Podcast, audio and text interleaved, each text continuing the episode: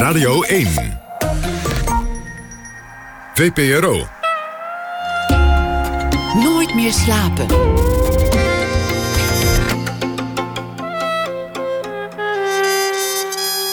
Met Pieter van der Wielen. Goedenacht en welkom bij Nooit meer slapen. Straks na ene gaan we het hebben over jazz, Billie Holiday, een boek, Billy en de president. Opnieuw verschenen, een mooi boek en daar gaan we straks over praten. En tips om door de nacht te komen van politicus Boris van der Ham. Maar we beginnen met Peter Buwalda. Net al het hoorspel uh, gehoord. Ja, ineens hebben al je personages door jou bedacht uh, stemmen. Hebben, hebben ze eigenlijk stemmen als, je, als jij schrijft in, in jouw hoofd? Um, nee. Nee, merk ik nu ook. Nu ik die stemmen hoor, is eigenlijk voor het eerst dat ik toch denk over hoe dat zou klinken. Nee, dat hadden ze niet. Um, misschien was wel allemaal mijn stem. Zelfs Joni. Lager, oeh. Niet, niet, niet uh, zoals Georgina klinkt. Nee, uh... nee, nee, zeker niet. Nee, nee, het is wel dat ik wel fysieke gedachten bij ze heb. En ook als ik uh, aan de hoofdstukken denk die bij hen horen... dat ik meteen een bepaald gevoel heb en een bepaald karakter voel opkomen in mijn hoofd. Maar een stemgeluid niet. Dus het is sowieso wel grappig om dat nu ingevuld uh, te horen. Hoe vond je het? Um, nou, ik heb de eerste drie afleveringen dus gehoord. En uh, nou, het is voor mij... Eigenlijk, eigenlijk is het raar om het aan mij te vragen. Want ik, ik sta er natuurlijk het minst neutraal tegenover van iedereen, vrees ik. ik, um, ja, dat kan me heel erg voorstellen. Ja, dat maar het... dat is geen antwoord. Dat lijkt een ont ontwijkend antwoord. Ik vond het helemaal niet uh, vervelend om te horen. Ik vond het eigenlijk wel goed. Dat, dat is heel wat volgens mij. Want je, want je hebt het natuurlijk op een bepaalde manier opgeschreven. En, en dan gaat het uiteraard vanwege een ander medium anders klinken. En, en er wordt aange, ja, aangezeten. Ja, er wordt aan je, aan je kindje gezeten eigenlijk. En dan... Uh... Ja, ik zou het nooit een kindje noemen hoor, trouwens. Nee, um, gewoon een boek, toch? Ja, ja. Uh, maar um, dat is zo. En dat, ik dacht van tevoren altijd dat het me niet zou uitmaken. Um, maar nu het eenmaal zover is, word je toch... Uh, ja, sceptisch en, en, wat gevoelig daarvoor. Maar dat zet ik ook meteen van me af. Want ik, ik, ik vind het gewoon boeiend ten eerste dat het gebeurd is. Ik vind het een compliment voor het boek. Want je gaat niet uh, een rotboek uh, voorspellen, lijkt mij. Um, maar het is wel zo dat, uh, ik zei het al eerder... dat als je, als je een lid wordt uit Bonita Avenue streept... dan valt het bij aan de buitenkant op. He, het, is, het is afgewogen. Het is, het is precies zoals het naar mijn idee zou moeten. Het is natuurlijk heel anders. Maar wel heel knap, want um, ze hebben een enorme klus gehad volgens mij aan het uh, verhaspelen en uh, verplaatsen en, en logisch maken van iets waar je veel minder uh, woorden aan kunt besteden. Want het is, het is natuurlijk veel. Ik denk dat het hoorspel nog niet eens een kwart van het aantal woorden telt van mijn roman. Veel gecomprimeerder is, ja. het, is het natuurlijk geworden. Komende 19 weken is het uh, nog te horen op de vrijdagavond uh, Bonita Avenue. Aan het begin zei ik al uh, wat een onwaarschijnlijk succes het boek heeft gehad. 300.000 exemplaren inmiddels. 12 vertalingen of 11 vertalingen. Zo'n beetje elke prijs genomineerd waar je voor genomineerd kan worden. Elke paar gewonnen trouwens. Niet, je, je heette al de nominatiekoning, maar je won ook wel. Hoe is jouw leven eigenlijk veranderd? Nou, het is wel Kijk, ik zelf ben niet heel erg veranderd volgens mij. Ik, ik, uh, sterker, ik heb soms wel heimwee naar die tijd dat ik het boek bijvoorbeeld aan het maken was. Dit heeft nu uh, drie jaar is het nou dat het verschenen is. En de vier jaar dat ik eraan werkte, zie ik toch als een wat gelukkigere periode, gek genoeg. Maar uh, qua hoe de dagen eruit zien en hoe de omstandigheden zijn... is er in mijn leven echt wel een tijd voor dat boek en een tijd erna. En dat, dat vertaalt zich in, in de dingen die ik meemaak gewoon. Uh, de, ja, de, de, de, evenementen zeg maar in mijn leven, de dichtheid ervan is natuurlijk enorm toegenomen. Bedoel, uh, toen ik het boek aan het schrijven was, was uh, nou, de tandartsgaan was een evenement. En nu zijn er zo'n rare dingen op mijn pad. bijvoorbeeld zo'n hoorspel of binnenkort moet ik naar Londen voor de, voor de Engelse vertaling. Dat, dat is echt nieuw. Maar gelukkiger? Meen, je dat nou? Nee, nee, ik ben niet per se gelukkiger. Nee, maar je was gelukkiger voordat het uh, boek er was? Ja, ja, ik denk dat het, het, het echte het mooiste wat met dat boek te maken heeft... was de periode dat ik er goed aan aan het schrijven was. En wat uh, in die drie jaar erna echt optrad... was dat ik versnipperd raakte. En dat, dat hoor je wel van meer schrijvers met succes. En niet meer in staat was om, uh, om iets nieuws met, met toewijding te maken. En dat geeft een heel raar leeg uh, onrustig gevoel. Er staat wel heel veel tegenover, maar als je die twee dingen wegstreept... dan is netto de tijd dat ik geconcentreerd werkte was, was fijner. Is er al rust om, om te beginnen aan, aan het volgende boek? Ik denk dat dit de vraag is die jou het meest gesteld wordt van alle vragen. Ja, nee, maar dat is uh, een logische vraag.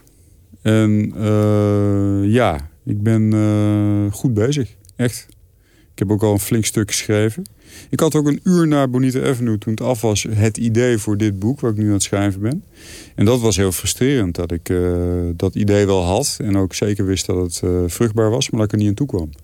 Maar het is nu wel zo. Ik ben nu, ja, ik ben op een kwart of zo. En ik hoop op het eind van dit jaar, dat is mijn uh, doel voor 2014, toch wel over de helft te zijn.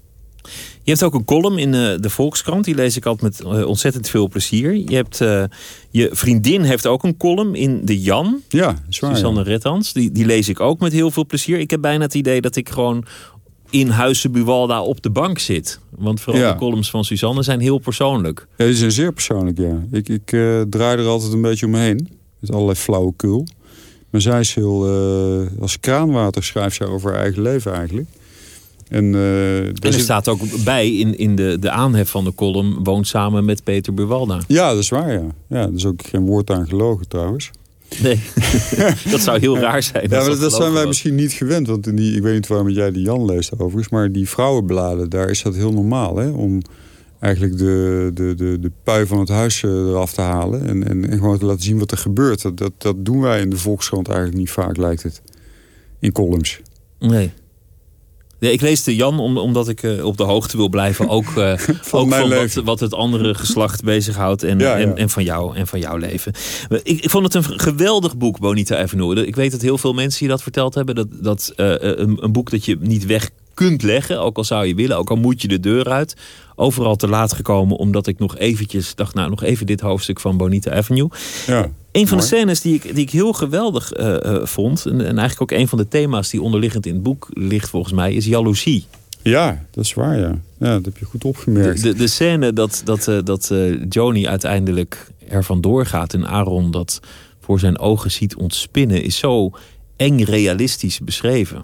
Ja, in die, tijdens die bruiloft is dat, hè? Ja, en dat hij ja, met, met ook lichaamsappen als, als, als, bloed en, en uh, de, de, de verwonding en, ja. en de dronkenschap en, en eigenlijk de totale roes der, der jaloezie. Ja, en het hele domme gedrag wat erbij hoort ook. Het, het, het, uh, het averechtse reageren op dingen.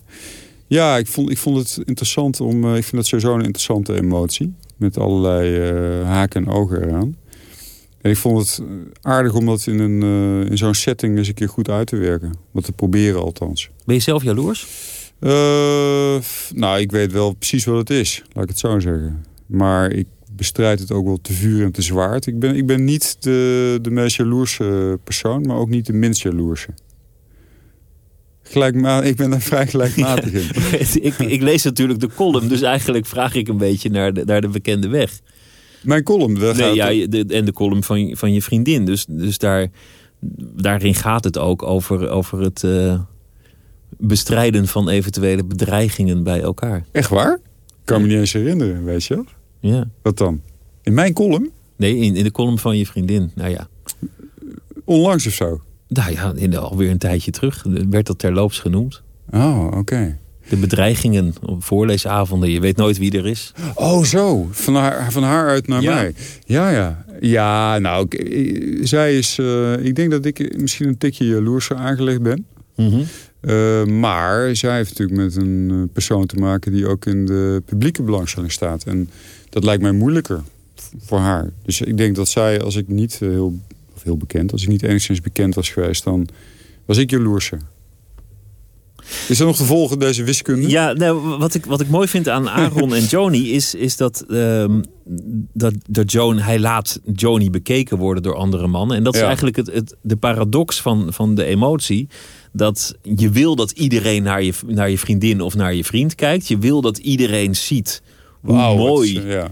degene aan jouw arm is. Maar tegelijk wil je niet dat anderen kijken, want, want dat is een bedreiging. Dus, dus daar zit een enorme paradox. Dat maakt het zo'n interessante emotie. Ja, onder meer. Onder meer. Wat, wat ik er zelf heel interessant aan vind, is dat eh, als de jaloezie helemaal weg is, dan is er ook geen begeerte. Dus ik, mijn theorie is dat jaloezie de, de, de, de andere kant van de medaille is van de begeerte. Dus zodra je uh, het best vindt dat je vriendin bijvoorbeeld een week naar Marrakesh gaat, dan uh, begeer je haar niet meer. Dus in een ideale situatie zou je denken, is er geen jaloezie, maar dan is er ook geen begeerte. En dan is er dus niets. Dus er moet ook jaloezie zijn. Alleen je moet een optimum zien te vinden. Uh, tussen tussen, tussen daar een beetje mee bezig zijn en, en, en prettig kunnen leven. Maar zonder jaloezie is, is dat is dood in de pot. Een ander iets is dat, dat jaloerse mensen op zoek gaan als een, als een soort detective naar informatie die ze niet willen weten. Je, ja, je wil het visueel maken, je wil alle uh, beelden waar je de hand op kan leggen. Terwijl je alleen maar weet dat die beelden, of die sms'jes, of, of, of de berichten, of de kleine krabbels, de bewijsstukken, dat die alleen maar gaan kwetsen. Ja, ja, ja er zit ook een soort uh, masochistische component in, ja. In, uh, in, in jaloers gedrag. Dat is waar. En, maar ja, ja, toch denk ik dat het een universele emotie is. Ik denk, je zult heus wel mensen kunnen vinden die er geen last van hebben. Ehm, maar ik dacht toen ik het schreef van dit moet voor heel veel mensen toch herkenbaar zijn. Ik denk dat je als een, als een Romeinse stoïcijn, als een, als een Epictetus met je jaloezie om moet leren gaan en elke ochtend in de spiegel moet kijken en denken: ze doet het met een ander, ze doet het met een ander, ze doet het met een ander. Gewoon om eraan te, wennen, testen, om, om, jezelf sterk te maken. Ja, dat, dat is een opvatting, maar ik denk het niet. Ik denk het niet. Ik denk namelijk dat je dan op het moment dat de strijd zich aandient... dat er werkelijk iemand in het spel komt dat je het niet opvalt.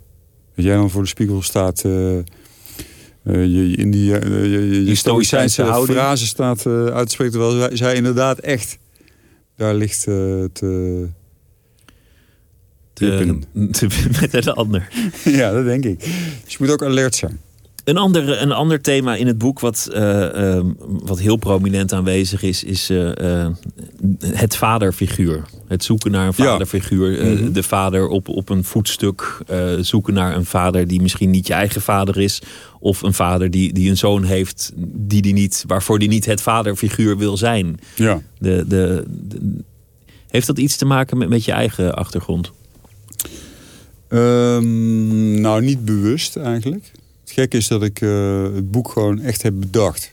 Ik dacht van, uh, ik heb een, een, situatie nodig waarin spanning tussen mensen ontstaat. En um, een van de constructies zat hem in, in dat uh, Aaron dol is op, op zijn schoonvader. Um, maar ook een geheim heeft voor Sigirius. En ja, daar zit niet achter dat ik, omdat ik zelf een stiefvader heb... en door die man ben op, door die uh, vader ben opgevoed... dat ik dacht, dit moet ik verwerken in een roman. Het was meer dat ik dat kende en dat goed kon gebruiken... voor, uh, het verhaal dat ik aan het verzinnen was.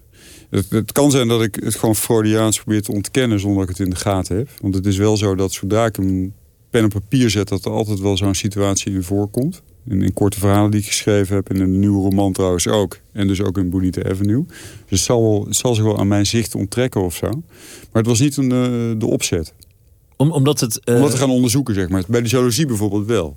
De jaloezie was echt bewust Ja, bewust. Ik dacht, dat, dat vind ik een interessante uh, materie, vind ik dat. Maar dat had ik niet met ouders en kinderen. Voor ik begon. Maar toen ik eenmaal bezig was... en dat aan het uitwerken was uh, fascineerde het me natuurlijk wel. Anders kun je er niet meer verder. Want die vader wordt van een sokkel uh, gehaald. En, en uh, als, een, als een Lenin na het communisme naar beneden getakeld. En, en alles wat er iconisch is aan het vaderfiguur gaat dan barrels. Vind je, ja? Ja, ja, ik, ik vind het toch een tragische held wel hoor. Ik vind Lenin en Stalin zijn natuurlijk geen tragische helden. Dat zijn gewoon rotzakken eigenlijk. Ja, deze is, is, zijn ze ondanks. Ja, ik vind dat zijn ondergang zijn ze ondanks is. Ja, het is, ik wil niet zeggen dat het een rotzak is, maar het is. Um, het, de glans gaat er wel vanaf. Ja, dat is waar. Maar ik denk eigenlijk dat... Um, want wat wij weten over Sigirius, dat weten maar weinig in het boek. Dus het is ook eigenlijk meer het... het zodra je iemand schedel ligt en echt dicht bij een ander komt... dan kom je natuurlijk dingen te weten die, uh, ja, die je gewoon niet moet weten eigenlijk. En dat is het mooie van een roman. Dat je zo dichtbij de ander kunt komen als schrijver dat uh, voor je regelt. Dat iedereen een deconfituur uh, staat te wachten. Denk ik. Dat is ook het nadeel van biografieën. Als je een biografie over Kennedy leest, dan, ja, dan is de mythe natuurlijk uh, snel verbleekt. En dat geldt ook voor Sigirius. Maar ik vind dat hij toch overeind blijft. Ik, ik, ik, heb, ik heb wel een hele grote sympathie voor zijn uh, handelen en voor zijn uh, karakter. Ook alles eigenlijk, ja. Dat is niets wat ik niet zou doen zelf. Je, je zei dat je uh, jaloezie bewust wilde onderzoeken... maar dat in je tweede boek wel al, dat verklapt hij alvast... Weer een, een vader-zoon relatie ja, voorkomt. Ja. Komt er ook weer jaloezie voor in het, in het tweede boek? Nou, oké, het lijkt nu, we leggen de nadruk nu erg op dat thema. Er ligt, zit veel meer in het boek. Ja, het is een het rijk is, boek. Dat is, is belangrijk om te zeggen. Het is een beetje een zijpad, hè, in het vorige boek. Maar ik denk dat, uh, ja, dat, ja, dat zijn wel altijd kleine dingetjes die wel opspelen, ja. Ik denk dat het, even denk ik heb nog 125 bladzijden geschreven. Het zit er wel al zachtjes in ergens. Ja. Maar ik denk dat dat meer een soort vingerafdruk is van een schrijver. Eh, als je, als je Thomas Rosenboom leest, het maakt niet uit welk boek, er zit altijd sadisme in bijvoorbeeld. Of als je...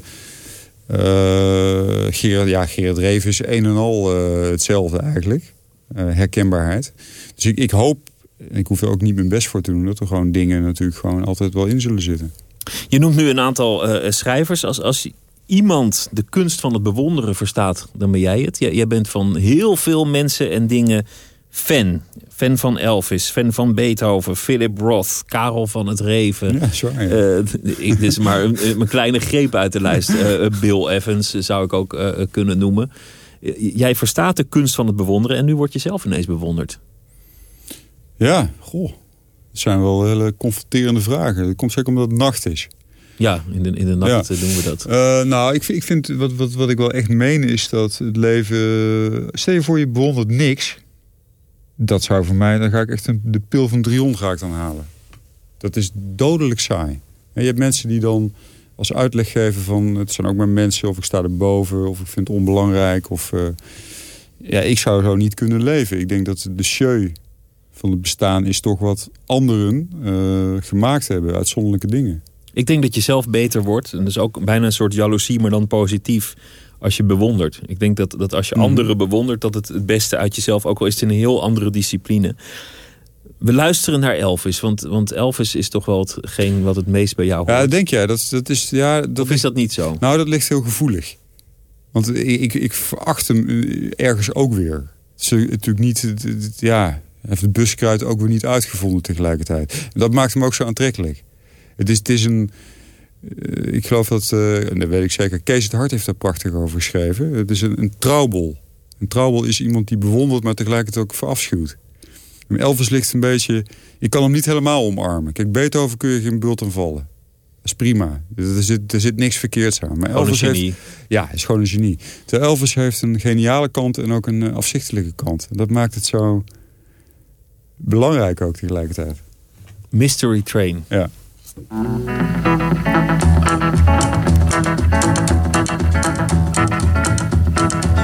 Train I ride, sixteen coaches long. Train I ride, sixteen coaches long. While that long black train got my baby and gone. Train, train, coming round, round the bend. Train, train, coming round the bend. Well, it took my baby but it never will again. No, not again. Train, train, coming down, down the line. Train, train, coming down the line. Well, it's bringing my baby, she's mine, oh, oh, mine, she's mine, oh, oh, mine.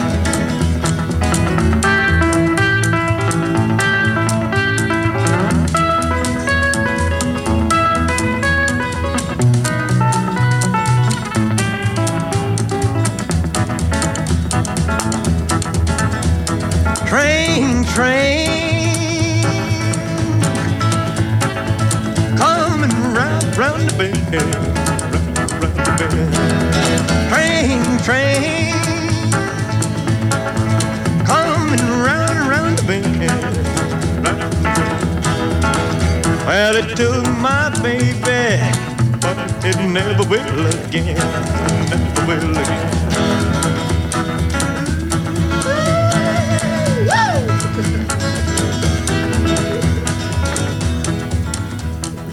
Mystery Train van Elvis Presley. Peter Buwalda zit in de studio, uh, schrijver van Bonita Avenue. Ja, Elvis niet echt een licht. Iemand die, die, van wie je niet zonder reserve kunt houden... maar die je toch ook niet anders kunt dan bewonderen uiteindelijk. Ja, zeer zeker. Ik denk eh, elke dag wel even aan hem. Echt waar? Elke dag? Ja, ja, ja. Gisteren was hij jarig, hè? Of eergisteren. Wat is het vandaag? Tien? Uh, Godsam, het is vandaag elf volgens mij. Elf? Oh, hij was acht, was hij hier. Acht. Ja, was hij 79 geworden. Elvis 79. Jemig, ja. In principe. Wat ik mooi vind is dat, dat jij in je bewondering ook altijd heel ver gaat. Dat, dat als jij uh, iets waardeert, dat je, je, hebt, je hebt de hele catalogus van een platenzaak uh, gekocht, van een cd-winkel, omdat je je interesseerde voor klassieke muziek. Drie, mm -hmm. 3000 titels. Ja. Schaf je dan aan. Als je, als je een schrijver bewondert, dan lees je en de biografie, en de boeken, en de correspondentie, en, en alles waar je de hand op kan leggen. Ja, is waar. Dus, dus eigenlijk, je bent nooit iemand die over één nacht ijs gaat in wat dan ook? Uh, nou, in heel veel dingen wel. Alleen zodra het me echt pakt, niet meer, nee. Ik laat, ik laat wel heel veel dingen sloffen in mijn leven, vind ik hoor. Maar dat zijn huistuin- en keukendingen. Maar inderdaad, zodra de bewondering om de hoek komt kijken... dan wordt het een beetje grenzeloos soms. Allereerste drukken van Vestdijk heb ik ooit een keer gekocht. Ja, nou ja, het is gewoon hobbyisme ook natuurlijk. De paden van een schrijver zijn heel gek. Je schrijft een boek, dat is, dat is een eenzaam uh, beroep over het algemeen. Je zit thuis, het moet allemaal uit jezelf komen. En dan is het boek daar. En als het succes heeft, dan word je voor de raarste dingen gevraagd. Ja. De opdracht van het boek, of althans uh, een van de, de, de citaten waar, waar je... Die het begin zit van Sasha Gray, de pornoster. Die zegt, ik ben, ik ben een gladiator. Ja. Ik ben de gladiator van deze tijd. Ja. En je mocht daar onlangs ook interviewen in een kerk nota bene. Ja, ja, ja dat, dat vond ik toch wel een buitenkantje eerlijk gezegd. Om een pornoster in een kerk te interviewen? Nee, die kerk die, die, heb ik niet eens, die is me niet eens opgevallen toen ik daarmee bezig was, eerlijk gezegd. Um, maar wat ik, wat ik interessant aan vond was dat ik eerder Wim Ruska uh, echt geportretteerd heb. En dat was de andere die het motto bracht. Dat was een beetje de extra, geëxtrapoleerde Sim Sigerius in mijn uh, idee. En Sasha Gray is een beetje de, ja, de, het eindstation van, van, van alle Jonies op aarde. En ik vond het heel fijn om beide uitvoerig te kunnen portretteren. En dus de sport aan de ene kant en, en de... Ja, nou ja, Siem streeft ernaar om, om ooit om Olympisch kampioen judo te worden. En dat uh, wordt hij niet. Maar Ruska wordt dat als hij daar op bed ligt met zijn uh, gebroken been wel. En uh, Sasha Gray in het boek Joni ontmoet een, een, een Sasha Gray-achtig meisje. Eigenlijk helemaal gemodelleerd naar Sasha Gray. En is dan ergens jaloers op haar vrijheid en haar rigoureusheid. Dat is een vrouw die op haar achttiende heeft gezegd van... nou papa, mama, dit ga ik doen. Mm -hmm. En wat jullie ervan vinden zal me eigenlijk worst zijn. En dat heeft Joey natuurlijk niet gedaan. Die heeft het allemaal stiekem gedaan en toegedekt. En, en als er ergens geldt, zachte heelmeesters maken stinkende wonden... dan is het wel in haar leven. In dat van Joni. Was het, was het een interessant interview? Heeft, heeft, het je, heeft het je iets geleerd eigenlijk? Um, nou, het was Mm, ik vond het uh, leuk om te doen. Ik vond het uh, een verwarrende persoonlijkheid. Uh, het meest opmerkelijke was trouwens, dat was leuk, nu we het toch over jaloezie hebben gehad. Zij had iemand bij zich en die moest erbij zijn bij het interview. Je moet je voorstellen dat wij hier zitten en naast mij zit een meisje. In eerste instantie ehm, dacht ik dat het haar tourmanager was, zo werd het ook gebracht. Bleek haar vriendje te zijn. Het was een wat kleine Italiaanse jongen, tamelijk onopvallend. Maar die ontwikkelde zich als een, als een jaloerse vriend. Want de dag daarna moest ik haar openbaar interviewen. En toen stond hij op het podium van een afstandje toe te kijken of alles wel goed ging. Die maakte een hele krampachtige indruk. Zozeer zelfs. Ik op een gegeven moment dacht van, weet jij wel wie zij is? Ken je haar verleden eigenlijk wel? Ja. Je bent toch niet meer jaloers op Sasha Gray als ze iemand spreekt in een café. Terwijl ze op film, ik geloof iets van 300 mannen heeft uh, afgewerkt. Dus dat En- was een en- hele rare... En, en niet, niet een beetje discreet afgewerkt, maar afgewerkt in, in poses waar... Nou ja. ja, dus dat, dat, was, dat was heel... eh, Maar misschien, misschien juist daar waarom, dat dat subliminaal dan blijft hangen. Dat, dat als je haar met een man ziet en je hebt er heel vaak in porno gezien... dat je denkt, oh, dan gaat nu die broek naar beneden. En dan, Misschien. Ja, er, zat, er zat een enorme Freudiaanse U-bocht in, eh, in zijn gedrag, ja, die ik niet begreep. Maar hij zei zelf, eh, verraste me niet zozeer. Want ik had ook wel interviews gelezen al. En, eh, het was alleen raar om oog in oog te zitten met iemand die ik ook heb opgevoerd. Ik vroeg haar op een gegeven moment ook van, eh, ken je Johnny Sigerius? Toen zei ze, ja, ik heb zoveel meisjes in die tijd ontmoet, eh, vast en zeker zijn ze. dat was wel leuk. Je, je bent aan het werken aan het tweede boek. Ehm, het, het lijkt een soort traditie te zijn in Nederland onder recensenten. Het is niet belangrijk. Ik zou er eigenlijk ook niet, niet naar moeten vragen. Maar ach, ik doe het toch. Maar eh, om, om na een, een bestseller... Jij, jij kent heel veel... Jij je kent de geschiedenis van de literatuur heel erg goed. Maar het, het lijkt een soort traditie om, om het tweede boek na een bestseller Aan te pakken. aan te pakken. En Ja. hard ook. Ja, dat is waar, ja. Eh, Ja, er, er zijn... Er zijn nu voorbeelden van ook. Hè? Het, eh, op dit moment, Frank Cateur heeft een nieuw boek. En eh, zij heeft dezelfde soort eh, ontvangst gehad met haar eerste als ik. En je, het is bijna cliché om dan te zeggen... ze staan klaar met geslepen messen. En zij kregen een slechte recensie in NRC. En dat is bijna voorspelbaar. En daarom ook heel moeilijk meetbaar of dat nou eh Oek de, oprecht Jong, is. Oek de Jong had het geloof ik. Maar er zijn volgens mij zelfs... Cirkels in het gras eh, destijds of zo. Ja, volgens mij wel. En volgens mij zijn er eigenlijk bijna geen voorbeelden dat het niet zo is. Heb ik, heb ik me althans laten vertellen. Ja, zou het? Ja. Ja. Ja, ik, ik, ja. Ja, daar moet je eigenlijk helemaal geen zorgen over nee, maken, doe, toch? Als je doe- nee doe ik zeker niet. Nee, nee. Nee het, ja, het, het, kan gebeuren. Ik heb zelfs een keer een recensent ontmoet in de trein. Die zei tegen mij, eh, ik zal zijn naam niet noemen... raffel even je tweede boek af. Dan kan, kunnen ze daar overheen piezen en dan maak je gewoon een derde boek. Of, of stuur de recensenten gewoon een dummy. Dan stuur Ja. ze gewoon een dummy. Zeg hier, mijn tweede boek, schrijf er eens wat over. En dan heb je eigenlijk het, het, boek daarachter klaar liggen. Een soort nep tweede boek. Ja, gewoon een nep tweede boek voor de recensenten. En dan een, een, een derde voor, de, Ja. voor het publiek. Ik kan niet wachten op het volgende boek. Peter Buwalda, dankjewel. Leuk dat je eh, te gast wilde zijn. En eh, we gaan de komende 19 weken luisteren naar het hoorspel. En straks is Nooit meer slapen terug met eh, nog heel veel meer cultuur. Tot zo. Oké, dankjewel.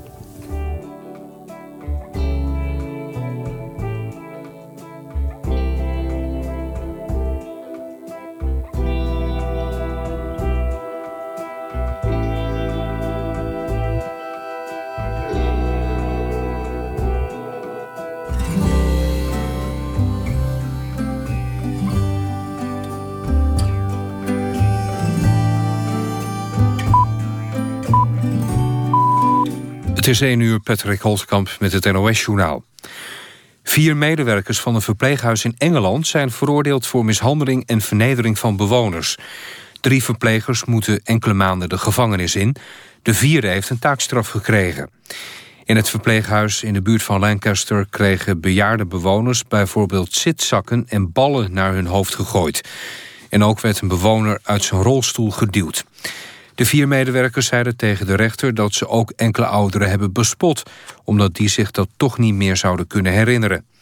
De zaak kwam aan het licht doordat een andere medewerker van het verpleeghuis naar de inspectie stapte. Twee jaar geleden beschuldigden een schoonmaakster en een receptioniste van het verpleeghuis in Lancaster de vier ook al van mishandeling van bewoners. De vier werden toen naar huis gestuurd, maar mochten na een waarschuwing terugkomen. De Italiaanse ex-premier Silvio Berlusconi stelt zich kandidaat voor het Europees Parlement. Dat zegt de Italiaanse klant, krant La Repubblica. Berlusconi is veroordeeld voor belastingfraude... en mag in Italië zes jaar lang geen openbare functie meer vervullen. Juristen hebben tegen hem gezegd dat dat een Europese loopbaan niet in de weg staat. De Europese verkiezingen zijn in mei. Ook een IOC-lid zegt nu dat een groot deel van het budget voor Sochi is opgegaan aan corruptie. Contracten voor sportfaciliteiten en infrastructuur zijn gegund aan wat hij noemde een bouwmafia met innige banden met het Kremlin. Het IOC-lid, de Zwitser Gianfranco Casper, is ook voorzitter van de Internationale Skifederatie. In mei presenteerde de Russische oppositie al een rapport over corruptie rond Sochi.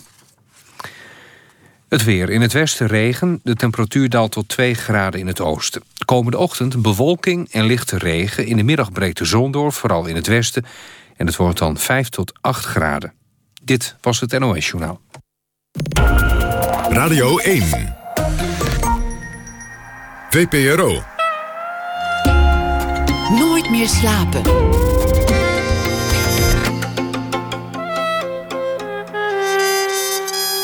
Met Pieter van der Wielen.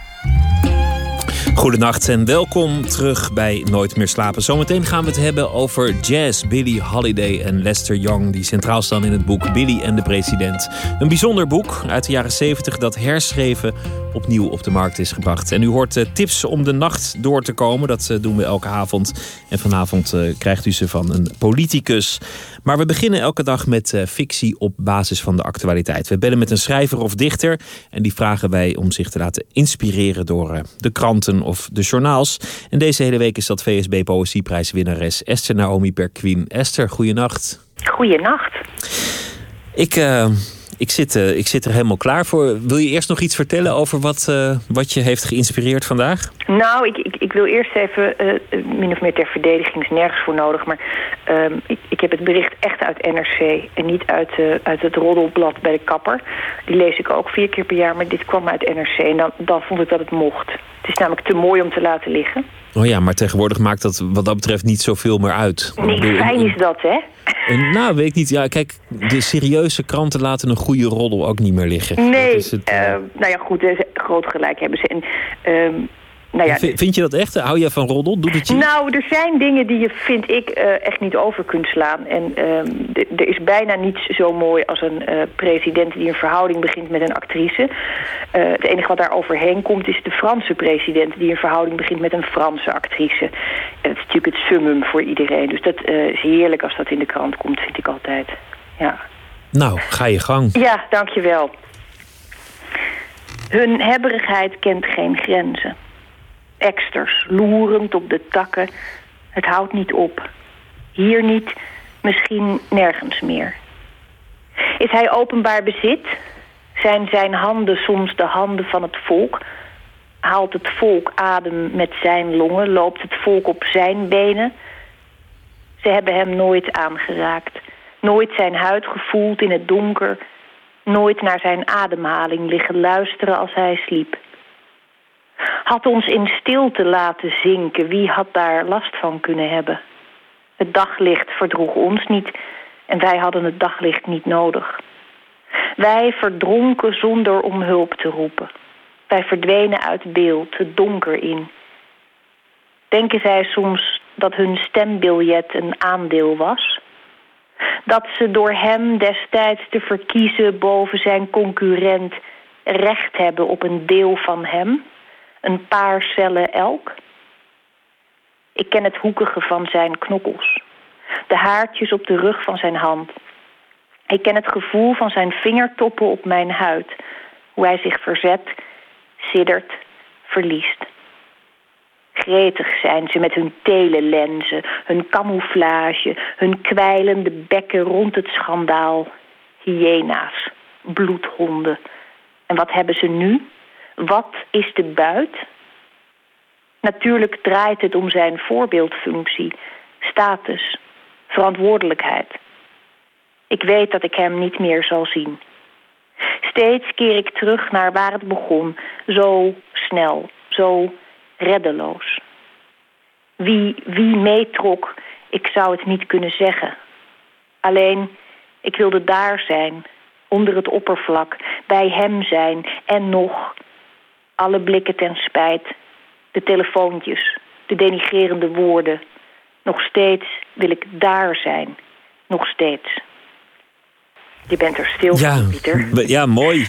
Wat was eigenlijk de roddel precies voor, voor degenen die de roddel gemist hebben? Oh, voor nou, zover uh, mensen roddels ooit missen. Uh, François Hollande die, uh, die, die overweegt het, het Franse tijdschrift Closer voor de rechter te dagen.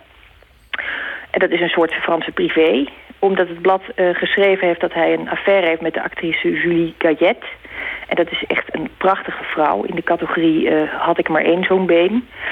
Uh, En hij heeft de affaire niet ontkend. En dat is dan het sappige element natuurlijk. Daar duiken ze allemaal bovenop. Hij heeft het niet ontkend, jongens. Hij heeft het niet ontkend. Hij heeft alleen gezegd dat het een aantasting van zijn privacy is. Dat is natuurlijk heel waardig om dat te zeggen als president zijnde. Maar ja, er zijn, er zijn sommige vrouwen... als mensen beweren dat je daarmee gesignaleerd bent... moet je dat gewoon niet ontkennen, reputatietechnisch. Ja, ik zou dat ook niet doen in dit nee, geval. Ook nee, al weet iedereen dat het, dat het uh... absoluut niet waar kan zijn. Dan moet je toch gewoon toch ik ontken het niet. Maar ik vind het wel een aantasting van mijn privacy. Dat is heel netjes. Ja, dat vind ik ook. Dat vind ik, vind ik ook heel netjes. Ik zie ook het schandaal eigenlijk nooit zo van dat soort dingen. Ik ook niet. Um, nou ja, ik, ik, ik, snap wel dat ze erop duiken. Dat, uh, bedoel, dat, is, dat zei ik al, het is te mooi om te laten liggen. Dat kan ik me heel goed voorstellen. Maar ik, ik vind het ook altijd heel pijnlijk omdat ik bedenk...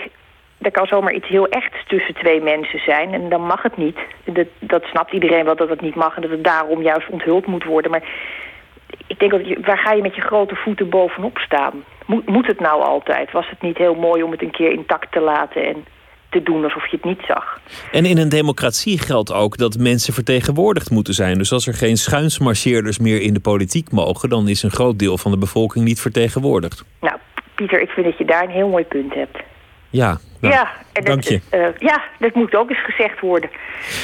Nou, desalniettemin uh, gunnen wij de, de Franse president het uh, beste, toch? Ja, zo is dat. En ik wens jou uh, een goede nacht en ik gun jou trouwens ook het beste. Dank je wel voor deze, voor deze mooie week. Ik hoop je snel weer te spreken. Dank Goed. Je. Esther Naomi Perquin, dank je wel. We staan nog aan het begin van het jaar 2014 en de BBC die komt elk jaar met een lange lijst met uh, muzikale tips. De mensen van waar, waarvan zij denken dat die groot gaan worden. En uh, bovenaan die lijst staat een jonge Engelsman, Luke Sital Singh. De Britse Bon Iver wordt hij wel genoemd, of de nieuwe Ben Howard. Nou ja, allemaal lofuitingen, vergelijkingen.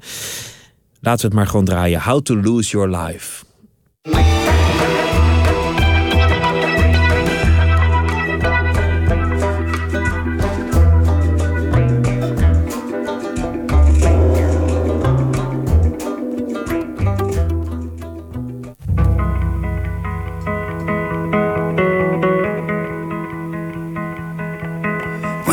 To the end and it's just the start.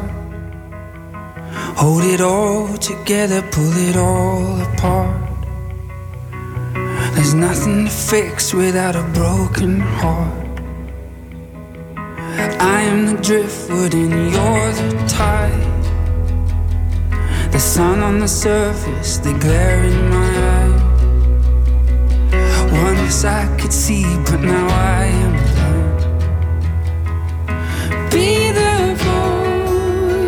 shakes me up.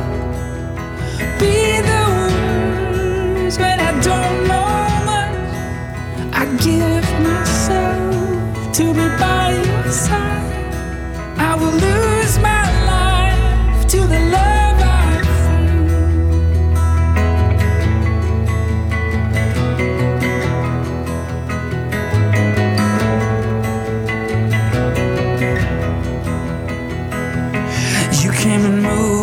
to the core.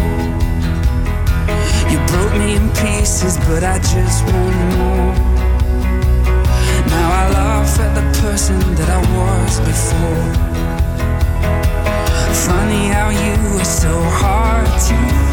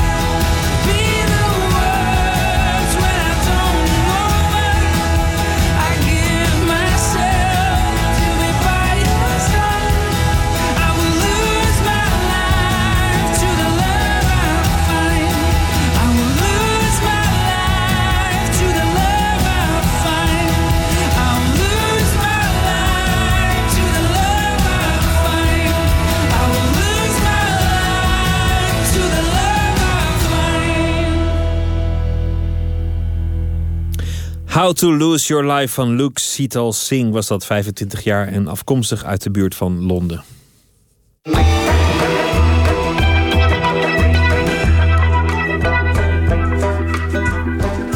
U luistert naar Radio 1, de VPRO met Nooit meer slapen. Levi van Veluwe is beeldend kunstenaar en op de kunstacademie begon hij met het maken van foto's van zijn eigen hoofd. Dat hij vervolgens beplakte met houtsnippers, tapijtreepjes of zelfs kleine boompjes. En tot zijn eigen verbazing brak hij daarmee door op 23-jarige leeftijd, meteen al. Terwijl hij voor zijn eigen gevoel nog maar nauwelijks begonnen was. Hij maakte toen ook al installaties en filmpjes van zichzelf en van zijn familie. Maar dan onherkenbaar gemaakt doordat alles en iedereen ze had volgeplakt met tienduizenden kleine houten blokjes. En zo probeert hij, naar eigen zeggen, orde te scheppen in de chaos. En dat is ook het thema van zijn recente werk, Orde en Chaos. Hij tekent met houtskool, zeer nauwkeurig, wegspattende bollen, instortende kasten, wegwaaiende stoelen. En onlangs werd hij uitgeroepen tot talent van 2014, nu al. Tijd om hem te bezoeken op zijn werkplek in Arnhem. En dat lieten we doen door Emmy Collau.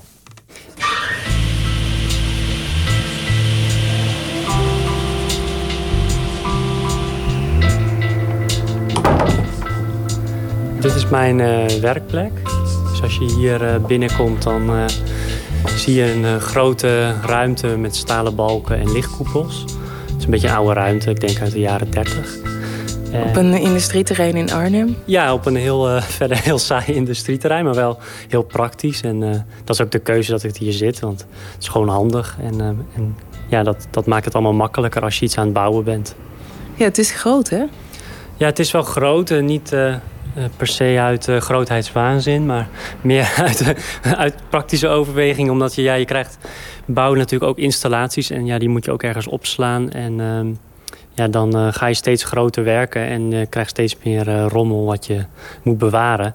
Dus dan moet het ook steeds groter, dus dat is een beetje het nadeel daarvan. Ja, ik zie hier zo links en rechts staan trouwens twee motors, maar daarnaast ligt een deel van een sculptuur. Ja een gezicht, een half gezicht, jouw gezicht. Maar dan, hoe groot is hij? Twee meter? Ja, iets van 2,5 meter. Ja, dat is echt wat een, een ouder werk. Dat, dat is zoiets wat dan al, uh, uh, al vier jaar geleden heb gemaakt. En dat, uh, ja, je kan het toch niet weggooien en af en toe wordt het weer geëxposeerd. Dus ehm, ja, dat moet je toch bewaren. Dus dat neemt een hoop plek in beslag. Dus vandaar ook de grote ruimte eigenlijk. Je werkt echt elke dag vanaf 9 uur of zo? Ja. Heel gedisciplineerd volgens mij? Uh, ja, net als alle andere mensen, toch?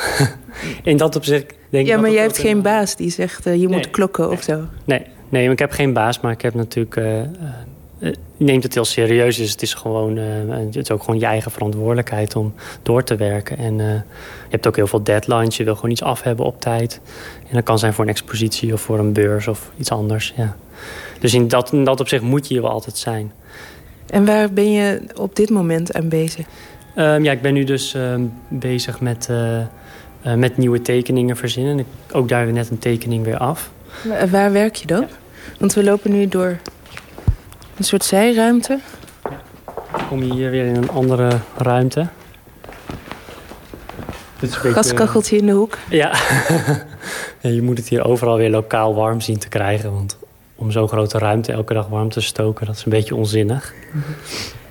En dit is je werkplek? Ja, hier zie je een van de laatste tekeningen. Um, zie je een, um, een soort, uh, in, het, in een soort niks, een soort lege landschap... zie je een soort kastenwand uh, met een uh, soort bureau met een wasbak erin en een stoeltje. En um, in de kast staan een soort vierkantige objecten... maar die zijn niet echt definieerbaar wat het is. Dus het roept een beetje een soort scheikunde, lokaalachtig onderzoeks, onderzoekachtige uh, ruimte op. Dat is ook wel een beetje de bedoeling. Het is, in het begin had ik echt dat bureautje als een soort heel intieme ruimte. En nu gaat het bijna naar een soort, onder, soort onderzoeker, een soort uitvinderachtige plek. Hoe werk je dan? Want je werkt met houtskool, ja. maar dit is ongelooflijk fijn werk. En houtskool vlekt. Ja, ja dat is dan wel... Uh, dat is ook echt een bewuste keuze, omdat ik dan heel fijn teken. En dan zou je eigenlijk denken, oh, dan moet je daar een speciaal potloodje voor kopen... waar je heel fijn mee kan tekenen. Maar ik hou juist elke keer van dat contrast. Dus dan zoek ik ook het meest grove materiaal op, en als houtskool. En dan probeer ik daar heel fijn mee te gaan tekenen. Dus wat ik doe is... Uh, Ja, je moet gewoon heel netjes werken. En ik leg gewoon een, eh, een, een plexiglazen plaatje eroverheen... dat ik met mijn handen het niet uitveeg. Oh, dus hier ligt Ja. ergens een plaat en die gaat Dat erop. er gewoon overheen en dan, eh, dan kan je je hand erop leggen. En dan eh, gum je het weer een beetje uit. En ja, van boven naar beneden werken. Dus je moet precies als je linksboven begint weten hoe het er rechts onderuit moet komen te zien. Nou ja, ik kan wel. Ik maak wel een voorschets. En dan eh, ik kan er gewoon dat, dat plexiglas eroverheen leggen. En dan werk je het gewoon weer bij. Het is niet heel ingewikkeld hoor. En ik zou zeggen, dit is wel bijna af, of niet? Deze is af, ja. Dus ik Oké. moet alleen, heb ik net nog ingespoten, een beetje fixeren. En dan eh, gaat hij eh, weer naar een lijstenmaker. En dan, eh, ja, dan is het klaar. Maar nu probeer ik het een beetje op te sparen, alle tekeningen. En dan gaat het naar een galerie in Parijs in oktober. Of eerst nog naar een beurs, geloof ik. Van dezelfde galerie, ook in Parijs. Zwarte lades. Ook Ja. van een van je installaties. Ja, dat is een van de laatste installaties. eh, onderdelen uit een, eh, van een soort kast die instort. Eh, een soort een grote sculptuur een- die dan is getoond in Galerie Romandos. Ja, daar waren eigenlijk hele grote ehm houtskooltekeningen te zien. Van bollen en, en twintig hoeken. Ja. Die eigenlijk allemaal leken uit, uit een bepaalde richting leken te exploderen of imploderen. En er waren ook inderdaad kasten en tafels en stoelen die zoiets zelfde deden. Maar dat heb je ook weer nagebouwd. Ja, je moet het. Kijk, als je het een beetje ziet in de lijn van de dingen die ik maak, dan. Ik heb in het begin maakte ik een soort zelfportretten. En daarna ehm, ging het eigenlijk over de, de, de, waar die fascinatie voor patronen en eh, structuren en zo vandaan kwamen. En dat was de serie Origin of the Beginning. Ja, want die zelfportretten, je fotografeerde jezelf, maar je gezicht was steeds bewerkt met balpen of met krijtjes, of hoe heet het, wat- van die eh sminkkrijtjes, Ja. maar ook met houtsnippers en tapijt. En op een gegeven moment reed er zelfs een treintje om je hoofd. Dat is het werk wat misschien de mensen het meest kennen. Ja, dat was heel een beetje experimenteel en heel im- impulsief gemaakt. Dus echt binnen een dag een soort eh, levenssculptuur eigenlijk. Wat ik dan daarna registreerde met de fotocamera. En toen zat je nog op school. Ehm, toen ik daarmee begin, zat ik nog op de academia. En eh, dat heb ik nog, denk ik, drie jaar gedaan. En toen begon ik eigenlijk een serie te maken... waarin ik ging verantwoorden waar dat vandaan kwam. En deze laatste serie, dus met die kasten en lades... ehm, is eigenlijk het, letterlijk ben ik zelf verdwenen. Het is nog wel een soort van zelfportret... maar de, de lades, kasten en stoelen... die verwijzen eigenlijk naar mijn, eh, mijn vroegere kamer... En waardoor je meer suggestief eigenlijk oproept dat ik daar ben geweest. Maar niet meer heel letterlijk dat er ook echt iemand zit. Ja, want als we jouw werk indelen in drie fases... heb je dus die zelf, zelfportretten. Daarna een fase waarin je eigenlijk op zoek gaat naar de oorsprong van die fascinatie. Ehm, en daarin bouwde je je kinderka jeugdkamer na. En daar was een soort structuur in aangebracht... met allemaal kleine blokjes. Tienduizenden Ja. blokjes. Heel gestructureerd. En dit is eigenlijk het omgekeerde. Hier ja, gaat alles vanuit structuur naar cha- chaos. Nou, in die, in die serie zat er ook één bij. Dan zag je balletjes eigenlijk in een soort structuur. En die werden langzaam door de kamer heen... en begon dat een soort chaos te worden. En dat was één droom die ik had over eh, ja, een soort controleverlies eigenlijk. En ehm, ja, dat is wel een soort thema geworden in het, in het werk. eh, in het algemeen dat eigenlijk ik het gewoon wel fascinerend vind... hoe mensen om zich heen alles proberen te structureren. Maar ergens ook een soort machteloosheid dat het nooit helemaal goed lukt. En... ehm, ja, en die balans daartussen, dus ook van ja, wat is dan eigenlijk die chaos en wat is structuur? En eh, ja, ergens is structuur heel logisch, maar als je er heel goed naar kijkt, dan wordt het ook heel raar. Ik heb bijvoorbeeld ook een tekening gemaakt. Dan zie je een soort kamersetting waar je, als je normaal je kamer inricht, dan staat je stoel netjes tegen de muur en je, ja, alles een beetje symmetrisch eigenlijk, nooit schuin. En als je dan de muren weghaalt, en dat zie je op die tekening, dan staat het soort in een verlaten plek. Dan wordt die structuur heel eh, ja, dan ziet dat er in één keer heel raar en onlogisch uit. Van waarom moet dat zo staan? Omdat in de natuur is natuurlijk alles veel dynamischer. En ehm, ja, die, die, dat contrast vind ik wel heel mooi. En ehm, dat je nu ehm, die structuren weer laat... Ik weet niet of ik het zo mag zeggen. Mag ik zeggen exploderen? Ehm, wat zegt dat dan over de fase waarin je, jij zelf zit? Nou, je probeert wel, ja, ja, zo, kijk, het is ook wel echt een, een beroep of zo, eh, kunstenaar zijn. Dus het is niet dat ik de hele tijd uh, uh, mijn persoonlijke leven daarin betrek. Dus het, je kan het, het is denk ik net als een onderzoeker of zo... die kan ook heel erg met zijn vak bezig zijn... maar dan thuis met iets heel anders. En zo is het denk ik ook al. Ja, ergens is het natuurlijk altijd met elkaar verweven, maar... Um, het dus ook, je bent ja. een weg ingeslagen ja, en daar zoek je nu verder? Ja, je bent ook heel erg met het onderzoek bezig. Dus je bent hebt iets gemaakt en dat ga je weer analyseren en dan ga je weer over nadenken. Dus in dat, in dat opzicht is het ook heel erg, uh, kan je het ook heel erg als werk benaderen om over beeld na te denken. En alle associaties die het oproept en hoe je dat weer kan veranderen. En dat je iets hebt gemaakt in je oeuvre en dat je daar een volgende stap in kan nemen. En dat is heel erg leuk. In september is er een uh, groot boek uitgegeven over al je werk tot nu toe. Ja. Expositie bij geweest. Ja. Hoe ga je dan daarna weer verder? Dat lijkt me, nou ja, je kan ook in een uh, zwart gat belanden. ja, uh, nou ja, normaal, kijk, daarvoor maak ik altijd foto's. En, en dan heb je vaak oplages, want het zijn prints. Dus dan gaat dat vaak reizen, die tentoonstelling. Dus dan komt het weer op andere plekken. Of dan komt het in een groepstentoonstelling. En, maar ja, nu zijn het tekeningen. En dat zijn natuurlijk unieke stukken. En de meeste daarvan zijn verkocht. En dan, ja, dan belandt dat in een collectie. En dan is het in één keer een stuk lastiger. Omdat dan moeten mensen het weer uitlenen aan jou. Want dan is het niet meer mijn eigendom. Om het weer in een expositie uh, te laten zien. Dus daarom is het voor teken heel belangrijk dat ik daar nu wel mee doorga. Zodat ik dat ook nog in het buitenland kan laten zien. En dat het niet beperkt wordt tot één maand uh, in Amsterdam. Waar het is geweest. En uh, hoe is dat eigenlijk? Want dan maak je dus iets en dan is het weg. Binnen een paar maanden tijd ja. eigenlijk al. Ja, dat is ook iets heel raars. En het is iets wat... Um, um, er, het hoort bij het, uh, het kunstenaar zijn dat het ook verkocht moet worden. En het is niet per se mijn prioriteit, maar het is wel het, het nodig... zodat je middelen hebt om weer iets nieuws te maken. Dus um, ja, het is, dat is denk ik altijd wel een dilemma geweest met kunst... dat het ook verkocht moet worden. En als het niet verkocht wordt, dan heb je een probleem. Of dan zou het niet goed genoeg zijn. Maar ja, dat is natuurlijk ook niet waar. Dus je kan daar eigenlijk... Uh, ik denk dat het best is om, uh, om te zien dat, dat je je, bent, uh, je moet dat echt scheiden van elkaar. Dus ik maak iets um, zonder daarover na te denken dat het verkocht moet worden. En met het vertrouwen dat dat gebeurt. En dan moet je het overlaten aan een galerie dat dat ook daadwerkelijk gebeurt. Maar ja, dat blijft altijd een heel lastig iets. Want je kan er ook niet op inspelen. Omdat dan is de hele vrijheid weg en de originaliteit. Want dan ga je nadenken over wat mensen willen. En dan wordt het een heel saai iets. Ja, want hoe zet je dat dan weg? Ja, dat is iets... Uh, nou ja, ten eerste kun je het heel praktisch wegzetten... door zelf niet met die verkoop te bemoeien. Uh, door als een galerie dat doet, dan staat het ver van je af. Dat is ergens anders. Dus dat is één. Dus ik denk dat kunstenaars niet zelf moeten gaan verkopen. Dat lijkt me heel dom. Uh, twee is gewoon ja, proberen om, om er niet over na te denken...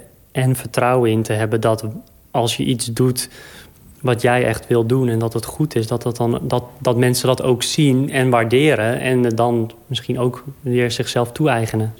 Uh, het is niet zo dat ik het alleen maar doe wanneer ik er zin in heb of zo. Dus het, soms doe je het ook tegen je zin.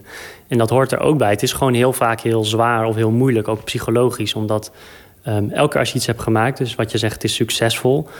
Uh, de enige logische volgende stap is om dat weer te overtreffen. En het weer beter te doen. En dus de druk is hoog om te presteren. En die blijft altijd. Het is nooit goed. Het is, moet altijd nog een keer beter. Of uh, diepgaander of nog anders of origineler. En in dat opzicht is het ook frustrerend... omdat er geen einddoel is. ja, en bij jou begon het ook nog eens uh, enorm succesvol. Ja. Toen je nog maar koud van de academie was. Ja. Dus dan is die druk misschien nog wel hoger.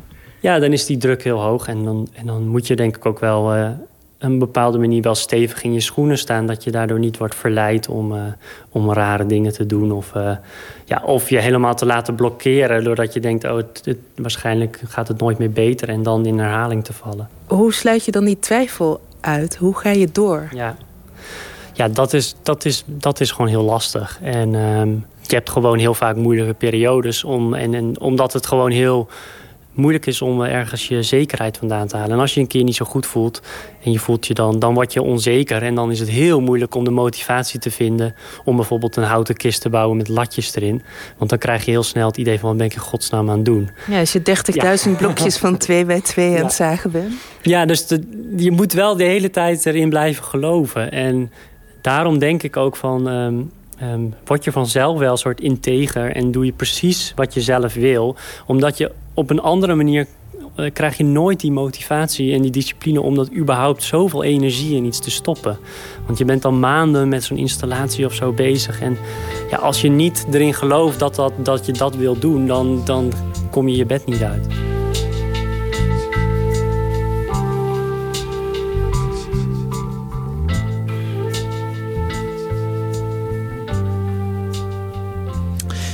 Levi van Veluwe, geïnterviewd door Emmy Collau. En zijn werk is ook te zien op zijn website levivanveluwe.nl. En hij heeft ook een boek met de titel The Origin of the Beginning.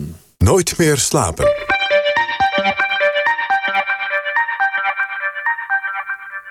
U luistert naar de VPRO op Radio 1. Ze komen uit Perpignan in Frankrijk en bestaan eigenlijk alleen maar uit Lio en Marie Limniana.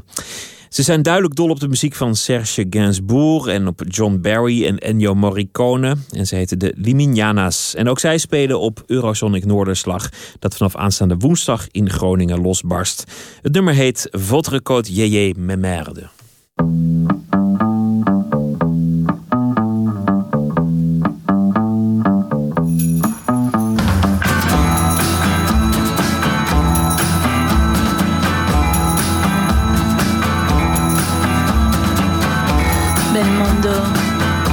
Sergio Leone, Roger Giquet, les mascarpone, et Jenseberg, Madame Sandy, ma mère, mon père et ma grand-mère, Baffé le con et les licons, Roger les et Fred Astaire, Lux et Ivy, Poison Ivy, les Rolling Stones et Kim Foley dans mon café. J'aime, j'aime. Bill Elisa, Louis Louis et Kim Foley. Deux fois je sais, let's take a trip. Joli ticket, j'aime quand ça sonne, quand ça résonne. Les Italiens et Morricone, les coups de fuzz, pas Gilles Deleuze, c'est important, même dans la Meuse.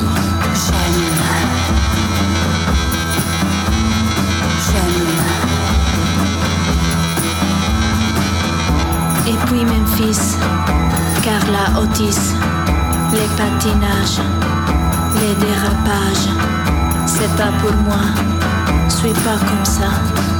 Les filles très belles qui ensorcellent, les brunes comac, le fouet les fêtes, à bout de souffle. Jean-Luc Godard, je laisse Avatar. Eric Romer, pour mes marées, sur sous la plage, Gilles Palibé, Bernard Blier, Bertrand Blier, François Truffaut. Info, Harold des les prisonnières. Et Jean Eustache, mais la moustache, chez les rockers, ça me provoque des hauts le cœur. J'aime, j'aime. Karen Allen, Woody Allen et Gina Hackman. Bronson et Hugh Brunner, cette mercenaire, Jean Connery et Sandrelli, Martin Scorsese, Jack Nicholson, mes frères, ma et Jean Landis, Jean Belushi, les 400 coups, ça j'aime beaucoup, Louis de Funès et De Vito, Bob De Niro. Jean Carradine, Richard Dreyfus et Peter Falk. Loué, loué, je l'ai déjà dit. J'aime. Mais toi, toi, j'ai réfléchi. Plus je te vois, je t'entends. Et plus j'ai envie de te casser les dents.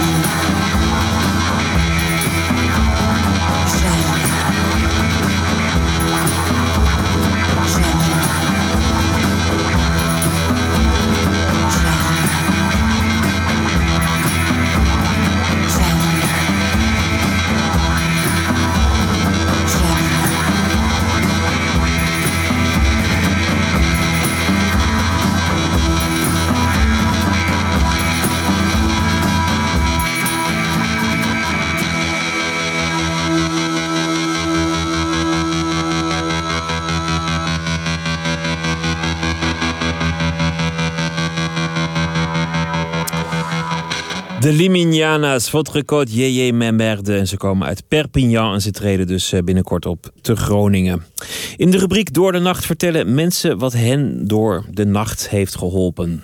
Het is een televisieserie, een Amerikaanse televisieserie. En het is een geanimeerde. Make it through the night.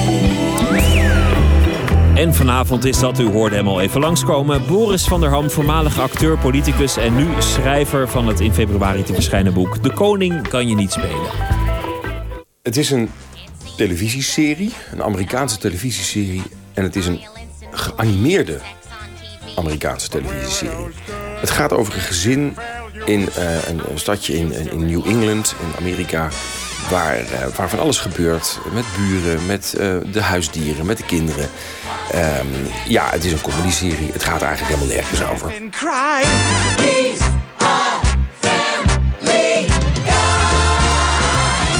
Het is Family Guy. Ehm, het is een eh, serie die eh, al 13 seizoenen meegaat. Eh, ik kende het eigenlijk tot een jaar geleden niet. Maar ben er toen op een gegeven moment op internet tegengekomen. En ik moest er heel hard om lachen. Eh, Seth- MacFarlane heet hij geloof ik, of zoiets. Die, eh, die maakt het, die schrijft het. Eh, die doet heel veel van de stemmen van de figuurtjes. En het is hilarisch en het is politiek incorrect. het is hysterisch af en toe. Maar daardoor wel heel geestig. All right, you beautiful bastard. Show me what you got. Ik ben een hele lichte slaper. Dus ik ehm, kom moeilijk in slaap. Het is niet zozeer als ik echt heel moe ben, dan kom ik wel in slaap. Maar soms als je heel erg aan het piekeren bent over iets... of je hoofd zit vol met dingen die je die dag hebt gedaan... eh, dan moet ik mezelf ontspannen. En ehm, dat moet dan even geëxternaliseerd worden. Dus dan moet ik even iets van buiten aanroepen. Nou, dan kan je een serie gaan kijken, dan kan je een dramaserie gaan kijken. Ehm, maar ik word heel zenuwachtig van het drama s'avonds. Dus ik heb ook wel eens de hele reeks van Dexter gekeken. Dat is een serie over een seriemoordenaar. Met een heel eng muziekje. Alleen al van het enge muziekje kan ik al niet slapen. En lig ik al te stuiteren in mijn bed daarna. Ik word alleen maar nog meer gespannen. Dus ik moet iets, te, iets hebben om te lachen. En dat is ook heel erg biologisch te verklaren. Want je middenrif gaat lachen en dat gaat zich ontspannen. En op die manier ehm, ontspant je lichaam zich. En kan je dus makkelijker slapen. Dus het, is een, heeft bijna een soort van... Het is in plaats van een slaappil eigenlijk. Peter, you can run now and no one will call you a quitter. What am I saying? No! I learned how to use stickers and I can learn how to use this. Ik gebruik dit middel, een comedyserie kijken, mijn slaapmiddel, gebruik ik al jaren. Eh, ik heb, en dan altijd in de vorm van een comedyserie. Ik heb jaren ben ik eh, verslaafd geraakt aan de, aan de serie Will and Grace. Eh, een, een serie waarin ook hele clowneske dingen gebeuren... waar hele rare personages in zitten die ontzettend melige dingen doen moest ik heel hard om lachen. Nou, dan kon ik goed op slaap komen. Maar goed, die afleveringen die heb ik nou wel al drie keer gezien. eh, die acht seizoenen. Dus daar ben je op een gegeven moment wel klaar mee. Toen dacht ik, nou, ik ga nu even wat een serieuzere serie kijken. Dat was dus Dexter. Geen goed idee. Hartstikke goede serie hoor. Maar niet om voor het slapen gaan te bekijken. Althans niet voor mij. En toen kwam ik dit tegen. En toen dacht ik, ja, dit is eigenlijk... eh, voor de aankomende twee jaar is dat een hele goede, goed middel om in slaap te komen.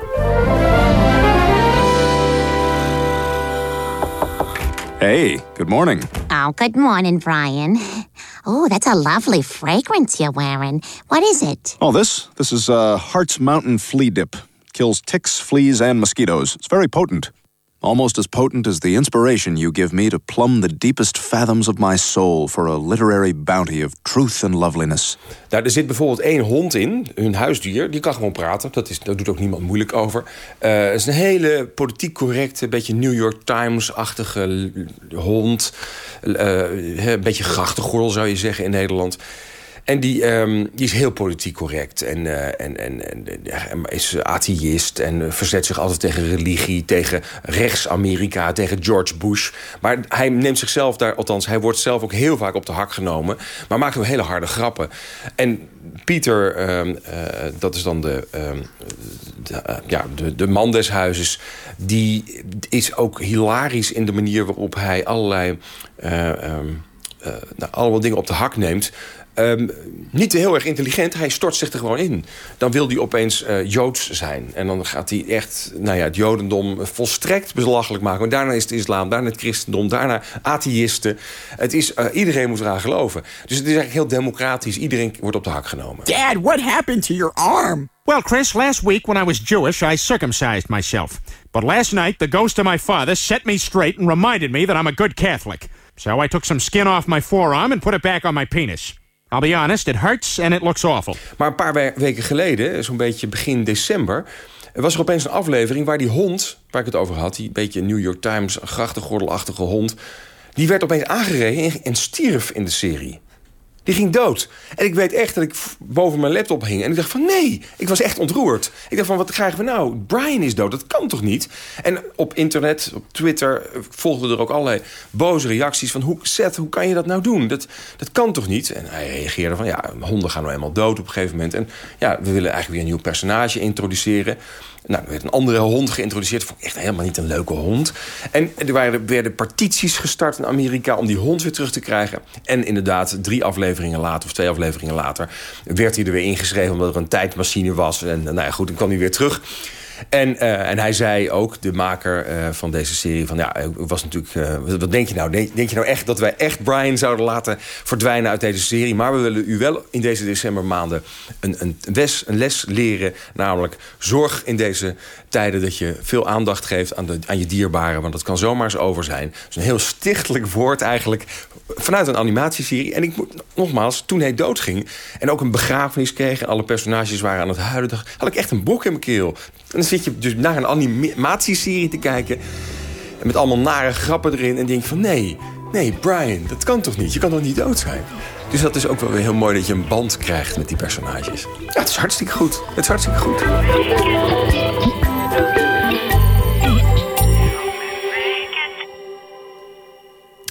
Al dus Boris van der Ham. We gaan luisteren naar de Amerikaanse zangeres Lucinda Williams, afkomstig uit Louisiana, maar vanwege het succes of misschien om andere redenen, misschien wel de liefde, inmiddels al lang verhuisd naar California. Uit 2007 heette dan ook het album West en hier is Where Is My Love.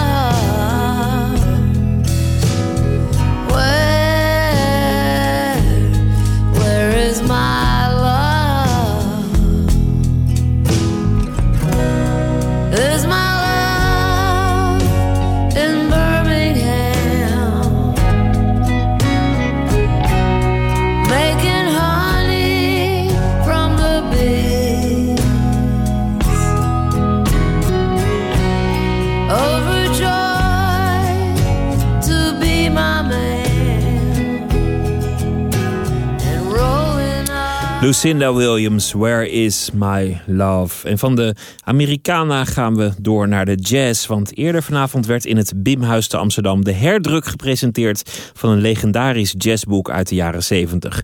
De titel Billy en de president over Billie Holiday en Lester Young. De schrijver is Martin Schouten en die ontving eerder deze week bij hem thuis onze verslaggever Anton de Goede.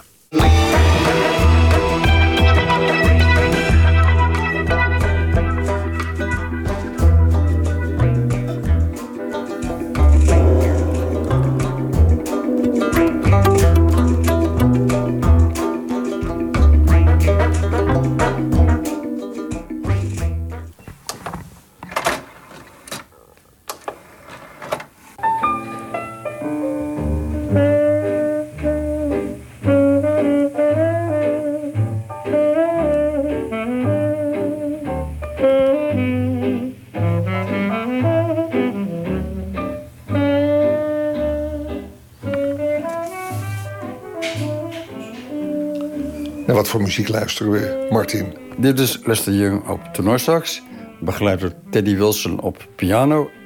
En zometeen horen we Billie Holiday in This Year's Kisses, een opname uit 1937. This year, crop of kisses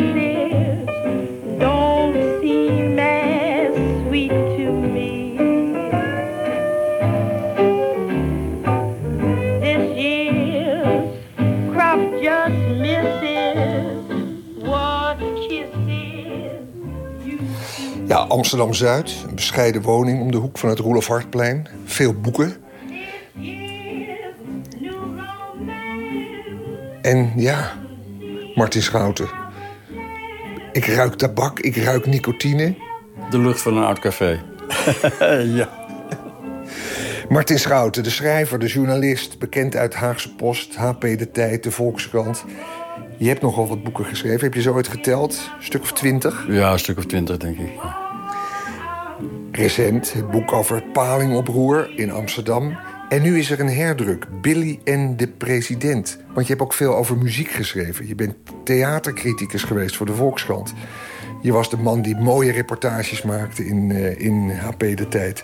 En nu is er een boek uit 1977 van jou, Billy en de president. We horen Billy Holiday op de achtergrond. En de president, dat was de tenorsaxofonist. Want dat was Lester Young. Ja. Lester Young, de, en, en de bijnaam de president had Billy Holiday ja, ja, ja. bedacht. En Lester Young bedacht de bijnaam van Billy Holiday. Lady Day. Lady Maar hij noemde iedereen Lady, hè? Oké. Tegen jou zou hij zeggen, hey, Lady Anton. Hoe gaat het? Nee, dat was Lady Day.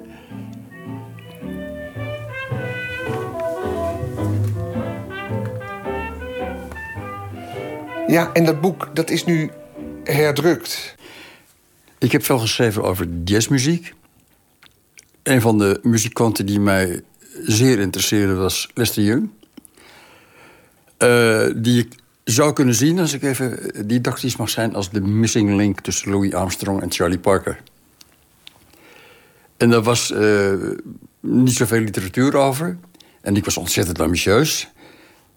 Dus ik greep mijn kans en heb eh, grote opstellen geschreven... over de muziek van Lester Young in het toenmalige prachtblad Jazzwereld. Lester die hoor je vaak in combinatie, zoals op dit nummer... This Year's Kisses, met Billy. Die, die pasten heel erg bij elkaar. Die vertegenwoordigde een nieuwe, eh, lichtere stijl van, van musiceren. Daarvoor was alles hot, hè. Je moest een, een, een, pardon, een ruige toon hebben. Die begin ik van de Vromstad ook te krijgen. Eh, en dat werd lichter en makkelijker en swingender. Want Lester, dat is, eh, een, die kan enorm swingen, kon enorm swingen. Hij is ons ontvallen natuurlijk al heel lang geleden. En, eh, ja, en Billy ook wel. Die doet dat wat luier. Die hangt zo'n beetje achter de beat. Ja. Je was een jongen uit Apeldoorn. En je kwam naar de stad Amsterdam. En het waren de jaren 60, het waren de jaren 70. En behalve dat je muzikologisch belangstellingen had in die muziek... had je ook belangstelling voor de wereld om je heen. En was je, was je met de maatschappij bezig. En zou daar misschien een verklaring in zitten... dat dat boek nu door bijvoorbeeld Peter Buwalda... door uh, Adriaan Jeggi... hoewel Adriaan is al overleden, maar een paar jaar geleden... in deze tijd in ieder geval, dat dat boek wordt herontdekt. Wat, wat denk jij dat de kracht is van het boek? Uh, jee. Uh, Adriaan Jeggi moet ik even bij zeggen... die schreef uh, een jaar of tien geleden een stuk in de Groene Amsterdammer... over boeken over jazz. En daarin prees hij mijn boek Billy en de president bovenmate... als ongeveer het enige boek wat de moeite van het lezen waard was. Nou, dat was natuurlijk erg aan mij besteed. Maar het boek was al lang niet meer in de winkel. En, uh, maar ik heb dat in de dozen met goede recensies gestopt... zodat ik er nu uit kon citeren. en Jackie was muzikant, hè? Die speelde trombone. Dat was zijn interesse in de jazz. En Peter Bewalda, dat is uh, ook iemand die uh, muzikale interesse heeft. Die probeert gitaar te spelen. Zoals hij onlangs nog vertelde in een column. En was bovendien lange tijd mijn redacteur... bij de uitgeverij De Nieuw Amsterdam. En daar hadden we het wel eens over muziek. Maar waarom dat boek nu weer uh, boven water wordt gehaald... dat is een beetje het geheim van de, mijn huidige uitgever... Gibbon geheten. Ik was stom verbaasd, moet ik zeggen, toen ze daarmee aankwamen. Van dat willen we doen. Ik zei, nou ja, ik vind het natuurlijk prachtig... maar er is één druk verschenen en die heeft voor geen meter verkocht. Besef dat wel. en nu, 40 jaar later, al een tweede druk. Nee, maar. Ja, maar ik denk dat het boek zo'n enthousiasme ademt. En ook geplaatst in de tijd van toen. En naast een intelligente manier waarop je over muziek schrijft... dat de tijd rijp is, nu... Uh, waar al de ideologieën verdwenen zijn... en waar mensen eigenlijk enorm veel zin hebben om zo'n enthousiast boek te lezen. Denk je niet dat dat het is? Ik mag hopen dat je gelijk hebt. Maar ja, dat, moet je niet aan mij vragen. Dat moet je aan de mensen vragen. Nee, wat denk ik... Uh, dus dat vond ik toen ik het nog een keer doorlas... op zoek naar fouten uiteraard... er aardig aan vond... is dat het een tijdsbeeld geeft... van het Amsterdam rond 1970. Met uh, veel muzikanten die langskomen... maar ook de rellen op straat. Uh, uh, Louis Andriessen die opeens een, een, een, politiek orkest begint. De Volharding. Bestaat vast al lang niet meer. En, uh, dat broeide toen allemaal. En dat was heel, een heel levendig scene, als ik dat woord mag gebruiken. En ik vond het leuk om dat terug te lezen. En ik ken zelf geen ander boek dat dat zo oproept. En het rare is dan dat die Amerikaanse jazz daarin zo'n belangrijke rol speelde. Want Jij was jongen uit Apeldoorn, je ging studeren in Amsterdam... je, ging je bezighouden met de journalistiek. Maar Billie Holiday en Lester Young die waren al lang uh, in de jaren 50 overleden. Aan de doop, aan de drank. Wat was dan die magische aantrekkingskracht van die muziek en van die lui? Nou, ik ben in Apeldoorn, waar ik dus vandaan kom, zoals je zei... Uh, eigenlijk wakker geschud door de uitzendingen van Michiel de Ruiter... Die had, meen ik, elke donderdagavond een uurtje of misschien drie kwartier eh, jazzmuziek. Waar ik uh, naar luisterde. En er was een keer een uitzending, daar begint het boek ook mee. Dat was een beetje de oerkanaal. Opeens dacht ik, dit is voor mij. Dit is geweldig. Ik, eh, ik, ik heb gevoel. Ja, dat je emotie opeens wordt opgewoeld. Dat, dat kende ik niet, man.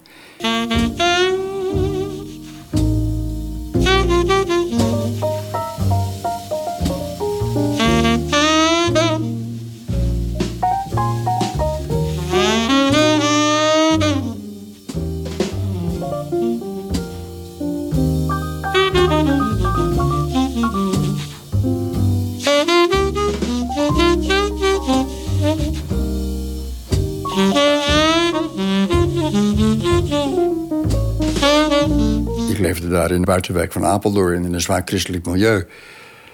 En daar heb ik dan later ook wel eens over geschreven. Maar dat vond ik in wezen niet zo interessant. Ik dacht, dat doet Jan Wolkers wel en uh, laat maar zitten.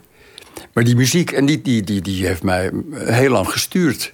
Ik zocht de muziek op. Nou, dan ga je in Nederland naar Amsterdam. Wat ik dan niet helemaal begrijp is... je komt uit Apeldoorn, je gaat hier studeren in Amsterdam... en het zijn dan Billie Holiday, Lester Young... muzici die eigenlijk al lang overleden zijn, want eind jaren 50. En dat zijn dan degene, de, de mensen die jullie inspireren. De aan drank en, en, en drugs overleden artiesten. Nou, het was meer Charlie Parker. Eh, waar ik niet zoveel over geschreven heb, want dat deden anderen al. En bovendien is dat heel moeilijk. Die man had een digitale timing.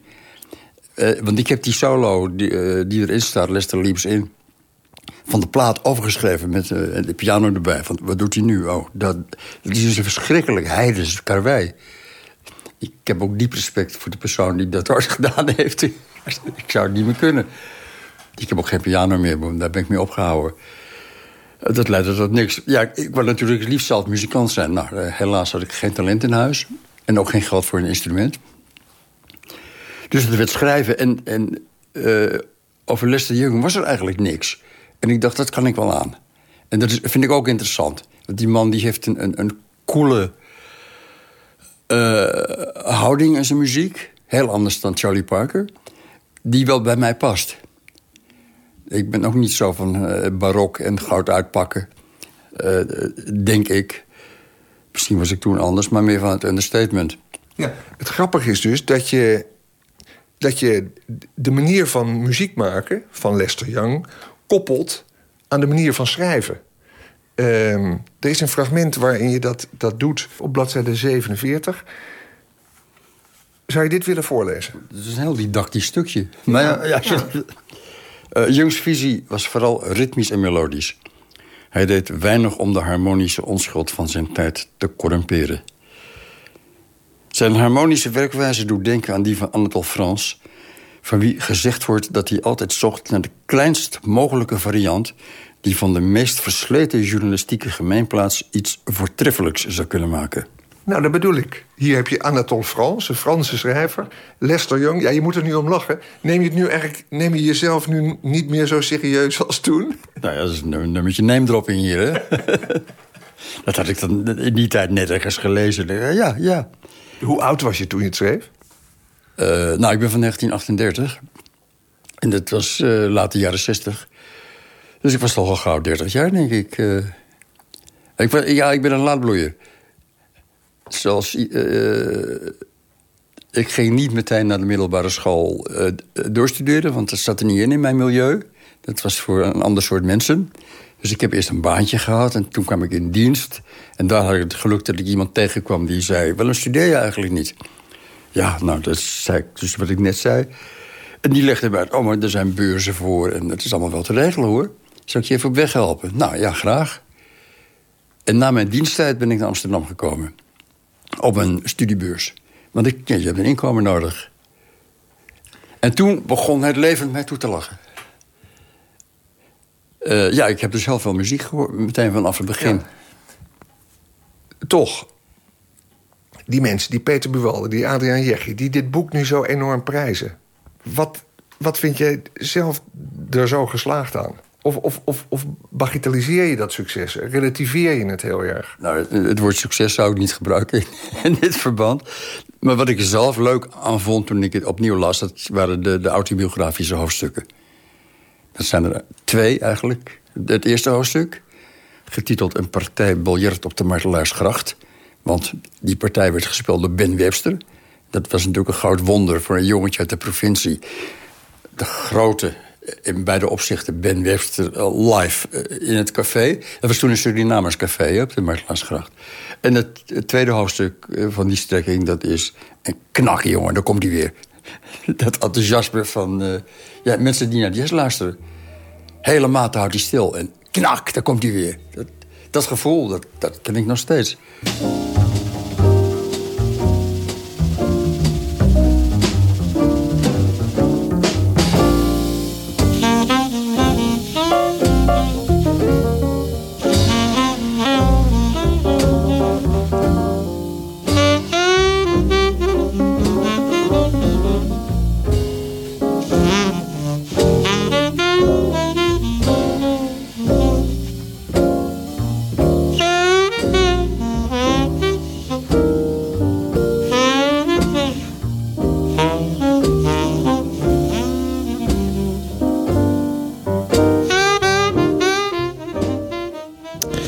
Young. En het boek heet Billy en de President van Martin Schout. En het is een herdruk van uitgeverij Gibbon. En dit was uh, Nooit meer slapen voor vanavond maandag. Dan zijn we bij u terug met regisseur Marcus Azini van toneelgroep Oostpol. Naar aanleiding van hun nieuwe stuk Quantet. En we hebben ook uh, Jamal Uriachi te gast, de schrijver. Straks nationaal van twee uur is de VPRO bij u terug met het programma Woord. Vol gruwelijke bloederige verhalen op zijn minst over verdwijningen onder verdachte omstandigheden. Het is dus uh, moord en doodslag wat de klok slaat. Gelukkig zijn moorden bijzonder en nog steeds bijzonderder in deze steeds veiliger wordende samenleving. Dus als er dan iemand doodgaat door een misdrijf, maakt dat indruk. Dat hoort u straks aan de hand van liederen, gedichten, boeken, radiodocumentaires en hoorspelen. Allemaal in woord. Dit was Nooit meer slapen. Fijn dat u heeft geluisterd. U kunt ons bereiken nooit meer slapen@vpro.nl of via Twitter. VPRO NMS is de Twitternaam.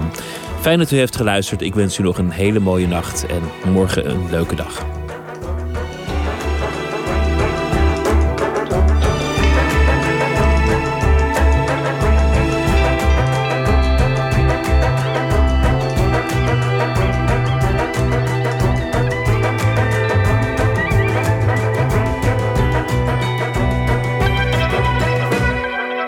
Radio 1, het nieuws van alle kanten.